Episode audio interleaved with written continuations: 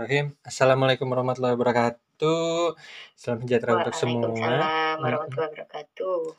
Ah, dengan Dokter Gigi Bonita Putri Arinida. Ah, Ya, kali ini kita mau ngobrol di podcast eh, Bersatu Seikat. Kita mau ngobrol sama Bu Dokter eh, tentang perjalanannya, kenapa memilih eh, menjadi dokter gigi dan hmm, terakhir juga sudah uh, ngambil sekolah yang lebih jauh lagi. Nah, apakah ini sebuah pilihan atau selama ini terjebak kemudian dijalankan? Kita akan kupas malam ini. Eh, boleh Bon cerita dulu deh sedikit. Siapa sih Bonita? Sekarang lagi sibuk apa? Mm. Oke. Halo semuanya. Nama aku, aku ya. Iya nggak apa-apa.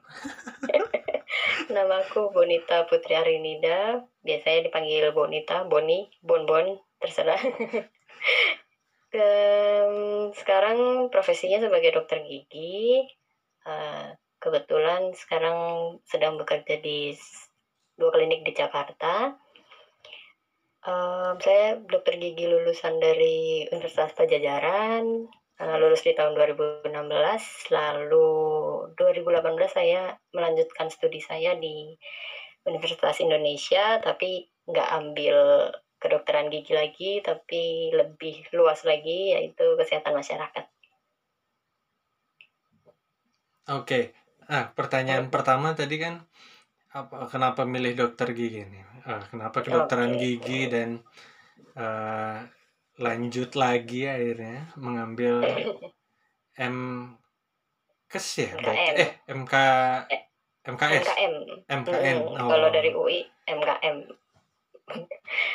Iya, jadi kenapa waktu itu ambil dokter gigi? Sebenarnya itu cita-cita dari kecil sih, pengen jadi dokter. Tapi ini pengen jadi dokter aja gitu, nggak nggak spesifik dokter umum atau dokter gigi gitu. Dan sepertinya mirip-mirip sama dokter gigi yang lainnya, karena waktu itu pilihannya dokter umum sama dokter gigi. Terus keterima di dokter gigi. Kayak gitu. Nah, kebetulan memang dari kecil tuh sebenarnya nggak terlalu suka menghafal gitu. Nah, terus eh, masuk ke dokter gigi yang ternyata di tahun pertama tuh belajar nggak cuma ngafal kok di sini, jadi ngafal sama sambil ada prakteknya gitu. Gimana sih cara waktu awal-awal tuh kayak ngukir gigi, bentuk-bentuk anatomi gigi tuh kayak gimana kayak gitu-gitu, masih yang benar-benar basic. Dan di situ sebenarnya sih niatnya tahun berikutnya gimana kalau coba ambil dokter umum kayak gitu. Tapi setelah setahun terus tanya-tanya temen yang masuk dokter umum kayak gimana, jadi lebih oh ya udah deh kayaknya enakan dokter gigi gitu. Jadi udah yang lanjutin jadi dokter gigi gitu. Karena kata orang kan kalau dokter gigi itu ada artnya gitu. asik Nambel-nambel itu ada artnya katanya katanya tapi ya juga sih benar jadi em, nggak cuman hafalan aja tapi kita juga eh, sambil langsung praktekin ke pasiennya dan bahkan eh, kayaknya kalau ke dokter gigi kalau nggak terus dirawat gitu ya giginya kayak cuman dikasih obat doang tuh kurang afdol gitu. Jadi memang pasti em, ke dokter gigi Mm. ya dikasih obat juga atau bahkan obatnya langsung ke giginya gitu. Itu sih kak. Nah terus lanjut kesehatan masyarakat? Oh iya untuk lanjut kesehatan masyarakatnya sebenarnya tuh setelah eh, beres kuliah itu kan praktek tuh sempat praktek eh, 2016 lulus langsung praktek. Kemudian ngeliat ternyata tuh di masyarakat memang gimana ya em, untuk kesehatan gigi dan mulut mulutnya tuh kurang em, apa kurang memahami gitu Ah, masyarakat tuh biasanya ya kalau ke dokter gigi tuh kalau udah benar-benar sakit bahkan udah bengkak gitu baru ke dokter gigi kalau masih sakit-sakit bisa dikasih obat ya udah mendingan dikasih obat gitu nggak ke dokter gigi padahal sebenarnya penting banget ke dokter gigi 6 bulan sekali itu untuk apa sih? Sebenarnya untuk mereka sendiri gitu, untuk masyarakat sendiri. Um, kenapa pentingnya? Karena setelah kita periksa ternyata ada lubang kecil tuh bisa langsung kita tambal gitu. Di mana pasti perawatannya akan jauh lebih terjangkau dan nggak memakan waktu banyak gitu. Sedangkan pasien-pasien tuh kebanyakan pada datang udah parah, tapi pengennya uh, sekali datang udah beres gitu. Hmm. Kayak gitu. Makanya setelah melihat oh memang masyarakat uh, kita tuh untuk kesehatan gigi dan mulutnya tuh kurang terbuka gitu. Bagaimana sih kita harus benar-benar preventif promotifnya tuh um, kayak diabaikan gitu. Kayak gitu. Nah, karena itulah aku um, mau gitu belajar kesehatan masyarakat. Gimana sih kita caranya benar-benar me membangun mindset orang-orang masyarakat ini untuk uh, benar-benar mengerti uh, pentingnya pencegahan tuh apa kayak gitu sih gitu I gitu see. kak Nah, kemarin ceritanya pas awal itu kan sempet yang jadi apa namanya eh, dokter giginya anak-anak ya, apa tuh bener nggak? ah ya ya ya benar-benar Nah kalau di sekarang, Bandung pernah pernah Ah, ah, kalau sekarang masih anak-anak atau umum aja? Hmm, jadi sebenarnya gini, kalau dokter gigi itu kan memang ada cabang-cabangnya lagi nih. Nanti kalau ambil spesialis, ada beberapa spesialis lagi. Salah satunya adalah spesialis um, anak, spesialis pedo. Mm-mm. Nah, kemarin itu kebetulan aku di Bandung tuh prakteknya di uh, klinik yang khusus untuk anak. Gitu. Sedangkan di klinik khusus untuk anak itu nggak cuma ada dokter gigi spesialis pedonya, tapi ada juga dokter gigi umumnya gitu. Jadi memang itu pilihan dan juga tergantung dari kasusnya sih. Jadi ada beberapa kasus yang masih ringan, walaupun itu anak-anak nggak harus ditangani oleh dokter gigi spesialis pedo, tapi bisa dokter gigi umum kayak gitu. Nah kalau misalkan kasusnya udah mulai apa namanya bukan kompetensi dokter gigi umum lagi, dan juga kita lihat dari pasiennya juga kurang kooperatif soalnya kan anak-anak agak-agak kebanyakan takut ya sama dokter gigi Mm-mm. Gitu. Jadi kalau misalkan sampai yang perlu uh, anestesi yang umum kayak gitu-gitu kita kasih ke spesialis um, pedo itu tadi. Gitu sih. Jadi mereka juga udah lebih paham anak-anak gimana gitu ya? Memperlakukannya. Nah, itu selain selain emang udah tahu anatomi yang gigi anak-anak tapi mereka juga how to handle si anak-anak ini jadi gitu. Ya. Iya, iya, iya, iya. Jadi sebenarnya memang dari kita awal em, eh, sekolah di kedokteran gigi, memang kita kan mempelajari yang tadi tuh yang kataku ada spesialis-spesialisnya, misalkan bedah umum, lalu orto, kayak gitu-gitu kita juga mempelajari. Tapi, eh oh sorry, bedah mulut atau orto atau misalkan eh, spesialis gigi tiruan kayak gitu-gitu kita juga mempelajari. Tapi memang kita kompetensinya yang dasar-dasar aja nih kak gitu. Untuk yang ringan-ringan kasus yang ringan. Tapi kalau misal kasusnya yang udah berat baru tuh kita kasih ke spesialisnya seperti itu. Nah untungnya kerja di klinik yang untuk anak itu memang Mm. jadi lebih karena gimana kalau lingkungannya sama spesialis kita jadi lebih tahu gitu pak. Jadi kayak sharing case gitu sharing kasus. Oh jadi kalau anaknya kayak gitu eh, tindakannya seperti ini walaupun itu bukan kompetensi kita ya gitu. Tapi Hmm, kita hmm. jadi tahu gitu tindakannya kayak apa sih di real life-nya gitu. Kalau anak-anak sampai tantrum kayak gitu tindakannya apa sih yang dilakuin kayak gitu.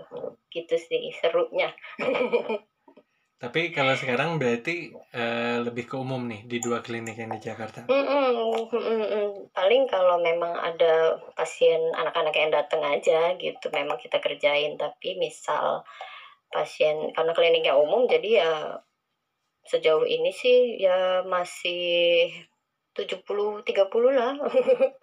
Itu 70 Nah. yang pasien-pasien dewasanya, 30 anak-anak gitu.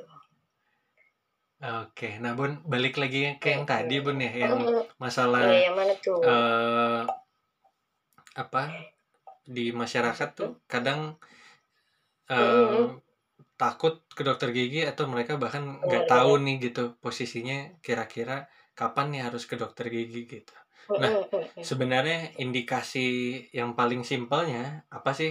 Ya kalau misalnya giginya nyut-nyutan misalnya apakah itu udah Mhm. harus ke dokter gigi atau atau Oh, ada atau ada yang nggak kerasa tapi emang udah harus ke dokter gigi tuh gitu. Kondisi kayak gimana tuh, Bun?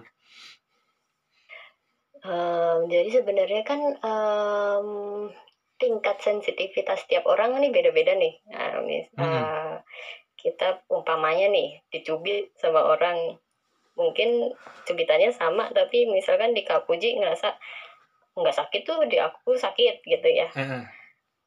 Nah itu dia makanya pentingnya kita 6 bulan sekali ke dokter gigi. Kan ada tuh di iklan-iklan 6 bulan sekali ke dokter gigi, setahun 2 kali gitu. Nah itu tuh pentingnya, karena kayak gitu tingkat sensitivitas tiap orang kan beda. Eee, misalkan giginya udah ada bolong tapi orang itu ngerasa, "Enggak tuh, nggak apa-apa." Padahal kalau bolong yang sama di orang lain, mungkin dia kalau minum minum air yang dingin udah ngilu, mungkin kena angin pun dia ngilu, kayak gitu. Mmm. Makanya itu pentingnya heeh, periksa 6 bulan sekali. Terus gimana sih indikasinya kalau tadi disebutkan ada nyut-nyutan tuh, kalau misal si giginya itu baru lubang-lubang awal seperti yang tadi aku bilang, misal dia makan, minum, eee, itu tuh dia ngilu, dia ngerasa sakit. Tapi misal dia udah beres makan, minum, hilang tuh sakitnya, nggak menetap. Mmm. Nah, misalkan lagi, eee, berarti itu lubangnya biasanya dia masih di superficial, misal di lapisan emailnya aja, email gigi, belum parah sebenarnya, bisa langsung ke dokter gigi tinggal ditambal, eee, 1 kali kunjungan juga beres gitu. Nah, misalkan kita yang lebih parah lagi nih, misalkan kita makan, minum, terus sakit, tapi setelah kita beres makan, minum tuh nggak langsung hilang, jadi kayak setengah jam, "Kok masih sakit ya?" Kayak gitu, atau sampai 1 jam masih sakit.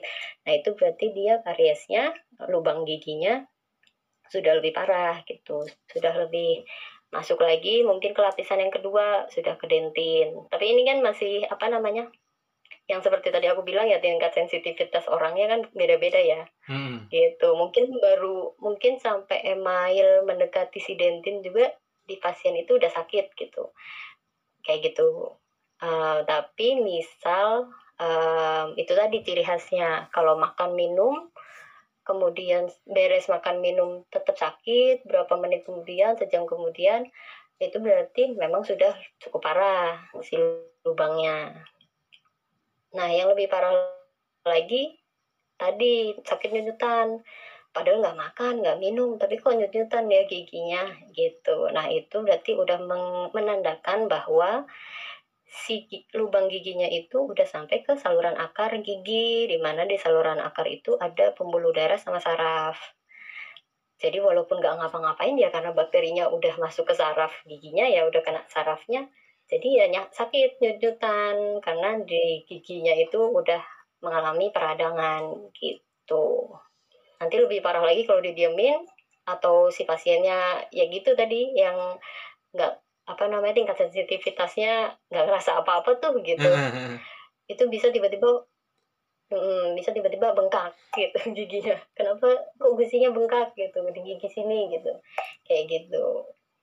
Itu berarti udah terjadi akumulasi bakteri yang kemudian menyebabkan terbentuknya nanah, gitu, makanya dia bengkak, kayak gitu sih, Kak.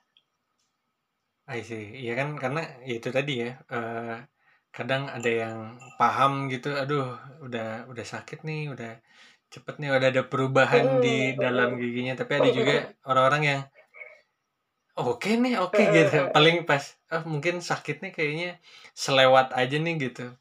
Yang akhirnya, eee, nggak jadi Mhm. nggak jadi memutuskan untuk, "Ya udah nggak usah ke dokter gigi, Benar benar. udah udah lewat juga gitu sakitnya." Nah, eee Nah juga, heeh, apa gimana namanya, gimana? eee, spesialnya dari kita-kita tuh, kalau nggak bener-bener sakit yang parah nggak ke dokter gigi. Kalau bisa nggak ke dokter gigi jangan deh gitu. Jadi kayak minum obat warung gitu ya, minum obat Heeh. reda sakit heeh, atau enggak dia ke dokter gigi nih, terus dikasih obat, atau bahkan dia ke puskesmas. Ke dokter umum dikasih obat nanti habis. Kalau misalkan obatnya habis ke dokter gigi ya gitu. Dirawat giginya. Tapi pas obatnya habis sakitnya hilang lupa gitu. Nanti sakit berikutnya baru ini lagi. Aduh sakit nih giginya. Sebelumnya udah pernah sakit belum? Udah sih udah beberapa kali sakit kayak gitu. Sering banget kasus kayak gitu sih. Takut ya mereka takut kayaknya ya benar benar. Dengan segala peralatan itu kan serem banget gitu. Iya, Kak Buji sendiri takut nggak ke dokter gigi? Ah, Iya.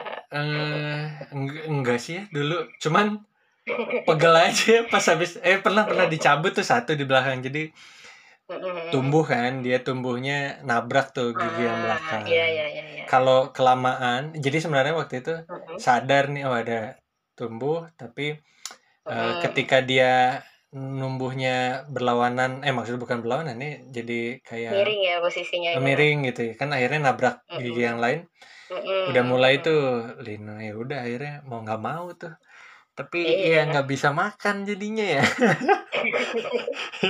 iya itu sebenarnya kalau udah sakit sebenarnya kan jadi nggak enak ya makan juga ya. padahal sama orang rumah tuh udah dibeliin makanan-makanan enak itu sengaja biar biar menghibur gitu ternyata Iya tidak iya iya. tidak tidak tidak tidak ada nikmatnya gitu nah buat Iya, balik benar, lagi ke kuliah ya sama proses Mm. proses ini deh eh, berkarir sebagai dokter gigi Waduh. terutama eh, apa sih pembelajaran yang eh, Bon-Bon dapat gitu oh iya dengan saya menjalani ini saya dapat hal-hal seperti ini nih gitu yang mungkin mengubah Hmm. hidupnya Bon-Bon gitu atau Oh, apa kayak gitu yang akhirnya menginspirasi oh iya gara-gara si bapak ini nih giginya begini saya jadi terinspirasi misalnya gitu Oke.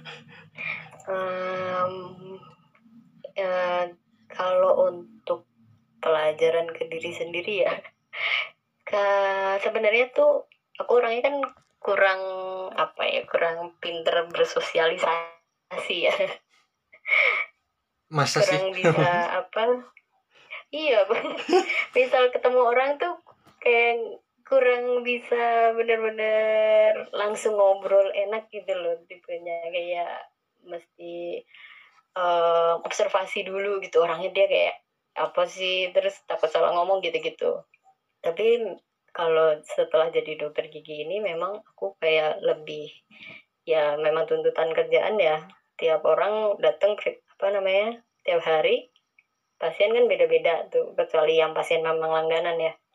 Hmm. jadi memang gimana sih caranya untuk mereka tuh ke dokter gigi eh, sambil aku kerjain misalkan lama tuh satu jam perawatan atau sampai dua jam perawatan tuh bisa nyaman kayak gitu.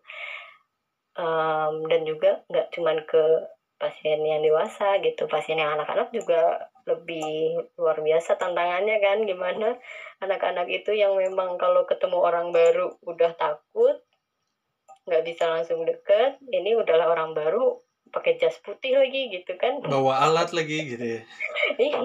Dokter gigi lagi aduh gitu dia mau naik kursi gigi aja udah susah. Udah takut tuh. Biasanya sampai pintu aja mereka udah ngintip-ngintip doang kayak gitu. Jadi gimana sih pembawaannya supaya anak-anak itu bisa nyaman kemudian mereka mau buka mulut dan dibutuhkan kesabaran juga sih untuk itu kayak gitu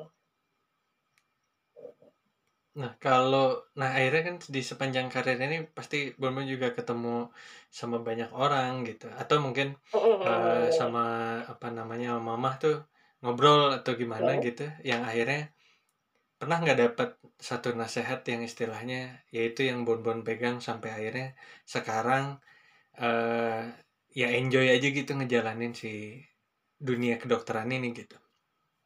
Hmm, iya itu tadi yang tadinya aku agak kurang bisa bersosialisasi dengan cepat. Jadinya em, bisa dapat selahnya aja gitu tiap ada pasien baru mau usia berapa tuh walaupun yang lansia juga bisa malah kadang sampai beres perawatan masih ngobrol kayak gitu. itu juga sering kayak gitu dan um, apa ya jadi terbuka juga pikiran bahwa tiap orang tuh beda-beda banget loh gitu. Karena uh, biasanya sambil perawatan kita kan nggak ngomongin soal gigi aja ya tapi kadang hmm. suka tiba-tiba ngomongin air di daerahnya jelek kayak gitu air di daerahnya bekas bekas sawah gitu jadi jelek gitu. Uh, jadi bikin gigi kuning kayak gitu gitu. Terus uh, ternyata nyambung nyambung lagi ke kerjaan nyambung nyambung lagi ke uh, gimana sih cara orang itu untuk ternyata oh pun ada loh orang yang punya pemikiran kayak gini ada loh orang yang punya pemikiran kayak gitu gitu. Jadi lebih terbuka aja pikirannya bahwa memang cara pandang orang tuh cara berpikir orang tuh beda-beda gitu. Dan jadi termotivasi juga gimana dengan orang-orang yang uh, memiliki cara pandang berbeda ini bisa disatukan untuk lebih memahami kesehatan gigi dan mulutnya gitu mm -mm. karena kan mereka juga dari berbagai apa namanya berbagai ya? kalangan ya? juga ya hmm. uh, latar belakang kalangan jadi gimana sih cara untuk menjelaskan kalau sama ibu-ibu ini gimana cara jelasinnya supaya dia tuh benar-benar paham oh iya ya ternyata emang benar-benar penting ya kesehatan gigi dan mulut itu kayak gitu dan juga kan um, harapannya dari pasien itu dia bisa seenggaknya kasih tahu ke keluarganya dia orang-orang terdekatnya dia kayak gitu. Kayak gitu sih kak. Oke okay. uh, eh, nah kalau ya kalau dilihat sih sebenarnya Bun Bun kan ya selama ini ya kuliah di Bandung gitu terus uh, terus kuliah lagi Jakarta gitu. Terus juga sempat apa namanya MUN di US gitu ya. Uh, terus kan banyak banyak pengalaman dan juga banyak apa ya istilahnya uh, aktivitas lah gitu. Nah apa sih yang yang paling uh, ya dan jadinya kan maksudnya bon-bonnya juga mandiri gitu. Nah apa yang iya. selalu di apa dinasehatin sama mama gitu atau hmm, apa sih yang paling nancep banget di kepala, di hati dan pikiran tuh, "Oh iya mama ngomong gini nih, pegangan hidup nih." Nah itu itu apa tuh Bun? Yang sampai akhirnya Bon Bon ya, ya apa namanya berani mencoba ini, berani mencoba itu juga mandiri dan ya berani mengeksplor gitu. Wah, ini kalau cerita panjang lebar nanti jadi satu buku. Gak apa-apa. Tinggal di print. Intinya aja. intinya aja ya nih. Iya, jadi sebenarnya kan aku kan berasal dari keluarga yang biasa aja gitu. Bahkan um, kalau ngomongin uh, biasanya kalau dokter dari keluarga yang ada dokternya ini juga aku bukan dari yang keluarga yang ada dokternya juga gitu orang tuaku juga um, lulusan SMA biasa gitu. Dan juga ada latar belakang keluarga di mana um, orang tuaku uh, pisah gitu. Dan yang bikin aku kemudian jadi apa ya berani coba ini itu tetap punya kepercayaan diri untuk uh, bisa terus jalan itu kalau dari mama aku sendiri adalah uh, masalah dari orang tuaku itu adalah masalah dari mereka gitu. Aku harus tetap punya uh, masa depan sendiri walaupun orang tua aku nggak bisa ngasih privilege yang segimana gitu ya. Yang jelas uh, mamaku akan terus ngedukung apa pun demi kebaikan aku gitu. Kalau memang itu baik ya udah jalanin gitu. Kalau memang itu nggak ngerugiin orang lain ya terutama itu ya udah coba gitu. Mungkin memang jalan kamu di sini gitu. Mungkin memang jalan kamu di situ. Jadi memang kalau memang ada kesempatan kamu bisa coba tanpa me, apa ya mengesampingkan tanggung jawab yang udah ada ya coba gitu. Karena kita nggak pernah tahu mungkin itu akan berguna di masa depan kita gitu karena kan jalan kita di masa depan kita nggak tahu ya kita akan jadi apa kayak gitu jadi kalau memang ada kesempatannya kalau bisa kamu coba ya udah coba aja gitu I see. Uh, apa namanya? Ya, yang gue lihat kan eh, selama ini mama support banget bonbon gitu ya. Uh, betul betul betul betul nah, apa namanya? Uh, terus kalau kalau secara apa namanya ke depannya ap- Mm-mm. kan bonbon sebenarnya kemarin kenapa nggak nggak ambil spesialis gitu terus akhirnya ngambil kesehatan masyarakat oh nah, ya nah terus maksudnya apa apa apa plan ke depan yang istilahnya sekarang eh, apakah akan ya terus di dokter gigi dan terus menancapkan eh, benderanya dan melebarkan mengepakkan sayapnya gitu. Apa sih apa sih yang ada di bayangan bonbon sekarang gitu? Hmm.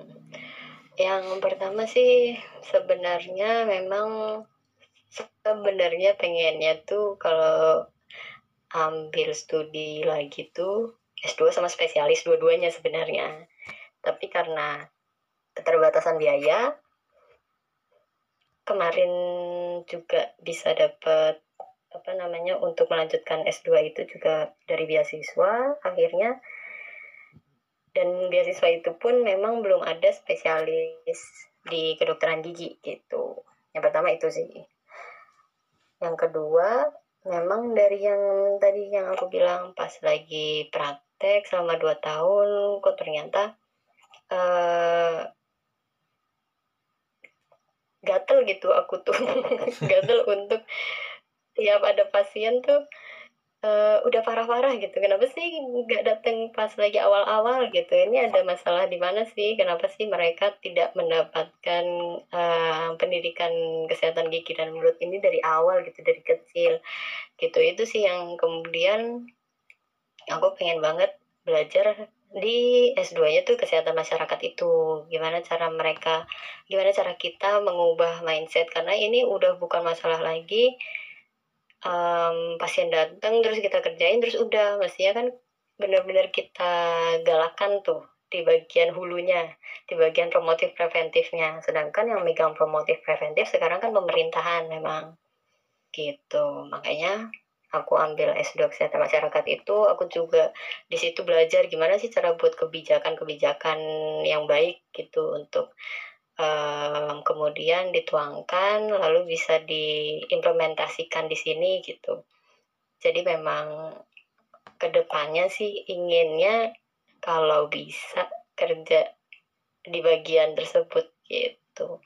Karena sejauh ini memang selama ini kesehatan gigi dan mulut tuh kayak dikesampingkan gitu dibandingin kesehatan umum yang lain jadi awarenessnya masih kurang gitu ya Mm-mm. Padahal tuh tiap lima tahun kan ada tuh yang namanya riset kesehatan dasar tuh. Itu tiap uh, ris riskesdas itu keluar, kesehatan gigi dan mulut tuh makin lama makin buruk gitu. Tapi nggak ada langkah untuk ini loh kita um, lakuin ini gitu, um, program ini untuk benar-benar gimana sih kesehatan gigi dan mulut ini um, benar-benar diperhatikan oleh masyarakat gitu. Gitu. Sedih banget ternyata dari kemarin yang Riskesdas 2018 bahkan yang tahu ini simple banget ya yang tahu cara tepat untuk menyikat gigi itu nggak nyampe 5% di Indonesia.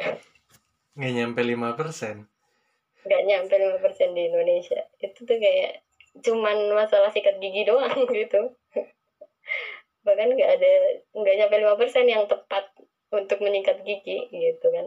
Itu kan benar-benar kalau sebagai aku sebagai praktisi ya sedih juga gitu kan. Ngelihat ke keadaan kayak gitu di masyarakat kayak gitu. Karena kan niatnya kita juga um, kita kan ingin membantu masyarakat ya. Kayak gimana sih caranya? Apalagi kita tahu juga kalau misal masyarakat tuh um, taunya kalau ke dokter gigi tuh juga nggak murah gitu. Padahal bisa kok gitu bisa kok sebenarnya. Gimana sih caranya um, supaya merawat kesehatan gigi dan mulut supaya nggak angka kesakitan karena gigi dan mulut juga nggak meningkat. Gimana sih caranya gitu? Gitu aja sih kak. Oke Bun, uh, ini sekarang ceritanya ada ada beberapa orang nih Bun, uh, atau keluarga deh gitu misalnya, terus Bun Bun diminta untuk uh, apa namanya memberi pemahaman dasar atau tips dasar untuk udah jaga dan rawat gigimu di rumah sesimpel mungkin. Nah, kalau misalnya ada kesempatan itu, Bun akan bilang apa nih? Oke, kalau misalkan ada kesempatan itu, yang pertama, um, yang paling penting kita juga harus um, meningkatkan uh, pemahaman dari orang tua. Pemahaman dari orang tua itu yang paling penting karena dari orang tua sudah paham, mereka bisa memantau tiap hari anaknya. Karena uh, kenapa pentingnya untuk memantau tiap hari karena kan memang dari kecil kita harus sudah membentuk kebiasaan si anak untuk uh, memelihara kesehatan gigi mulut. Gimana caranya? Uh, yang pertama tuh yang penting sikat giginya dibenerin dulu deh gitu. Sikat giginya yang bener tuh kayak gimana sih sikat gigi yang bener kalau di iklan kan udah kedengeran ya dua kali sehari pagi malam. Tapi sebenarnya kapan sih pagi dan malamnya itu? Nah paginya itu seharusnya tuh setelah sarapan. Hmm. pagi setelah sarapan minimal 30 menit setelah sarapan. Kenapa minimal 30 menit setelah sarapan? Karena pada saat sarapan pada saat mengunyah uh, si pH mulut itu tuh dia turun. pH mulut turun terus mempengaruhi juga um, saliva yang keluar, air ludah yang keluar. Jadi itu keadaan rongga mulutnya asam. Nah, bisa dibayangkan kalau lagi rongga mulutnya itu keadaannya asam, kita sikat pakai gigi, uh, pakai sikat gigi. Itu bakalan malahan terangkat email giginya gitu. Makanya kemudian nanti ada gigi masalah gigi sensitif seperti itu. Hmm. Jadi kenapa habis uh, makan jangan dulu sikat gigi baiknya. Jadi ditunggu dulu setengah jam. Bahkan di Indonesia ada lagu yang um, mandi dulu ya, mandi sama sikat gigi dulu. -mm. Sekalian. dulu baru sarapan dulu, baru kemudian 30 menit setelahnya um, sikat gigi kayak gitu. Nah kalau malam itu udah pasti sih malam sebelum tidur sikat gigi. Jangan kemudian minum apa lagi atau makan apa lagi gitu ya. gitu. Yang pertama itu harus sikat gigi uh, uh, dua kali sehari di waktu-waktu tersebut. Nah kemudian yang kedua yang harus dipahami juga oleh orang tua untuk memantau makanan-makanan anak anaknya. Karena kemudian kalau misalkan dia kebanyakan makan manis um, bakteri bakteri yang di mulut itu suka banget kalau ada makanan manis. Gitu. Nggak usah uh, makanan-makanan manis. Bahkan nasi aja kan ada kandungan gulanya ya. Kayak gitu. Hmm. nah itu juga bisa uh, bisa kemudian dia mempercepat adanya lubang pada gigi kayak gitu. Nah itu penting banget memantau untuk anak uh, untuk benar-benar makanannya dijaga. Bukannya nggak boleh, tapi setelah itu kalau bisa harus um, kumur, kumur, kumur, kumur air minum air biasa gitu supaya tadi uh, si rongga mulutnya pH-nya nggak rendah. Karena kalau udah pH-nya rendah dia pasti bakalan lebih mudah untuk berlubang. Kayak gitu.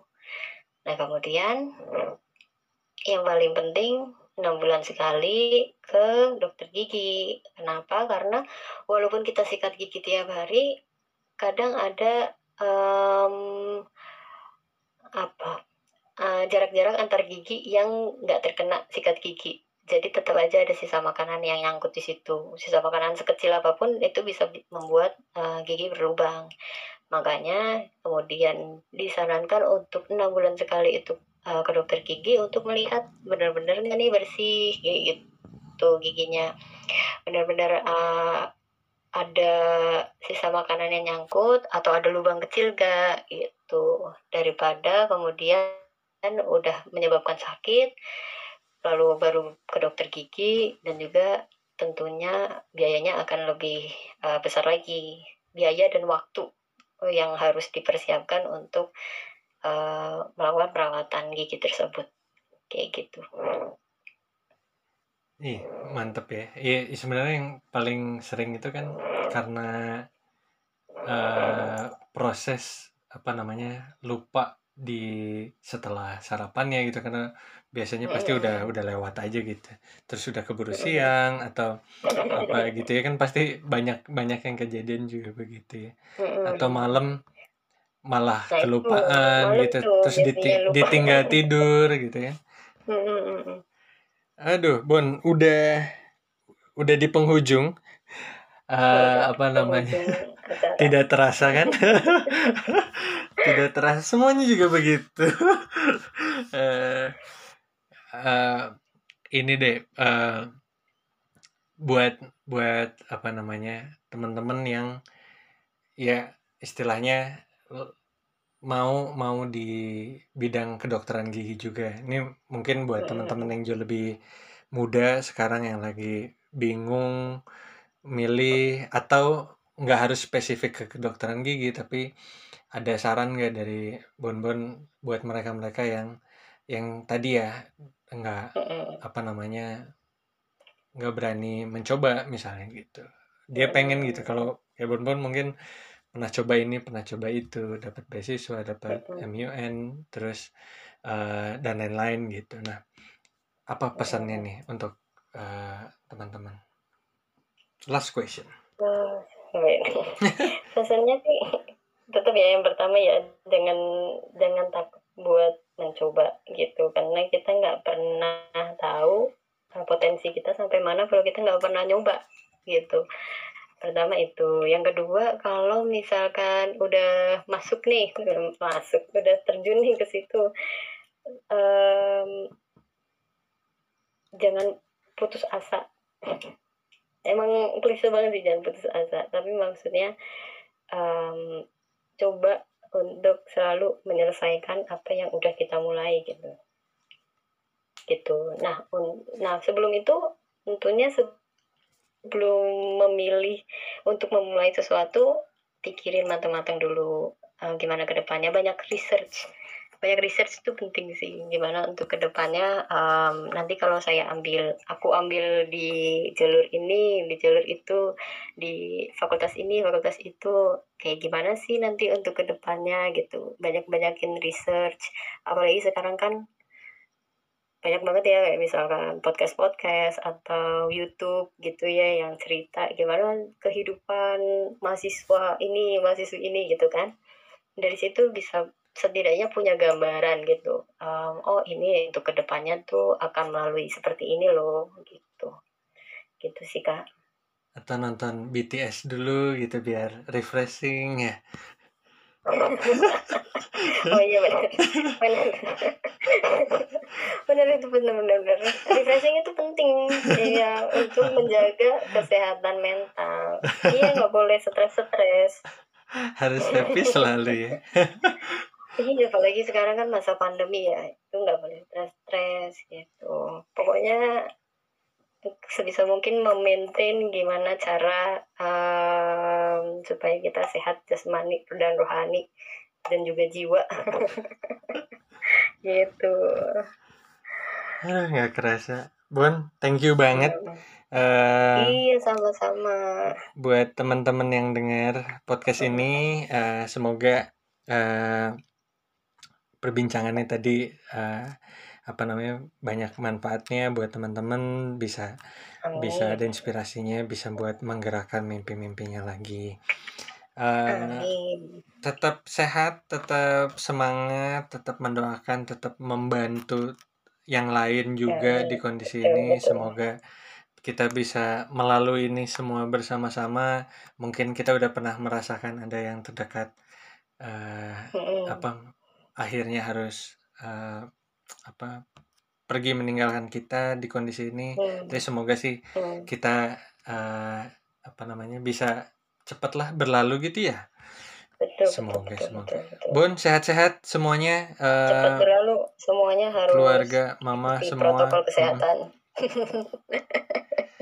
Teman-teman, Assalamualaikum warahmatullahi wabarakatuh. Bonita Putri Arimida dan Puji pamit. Assalamualaikum.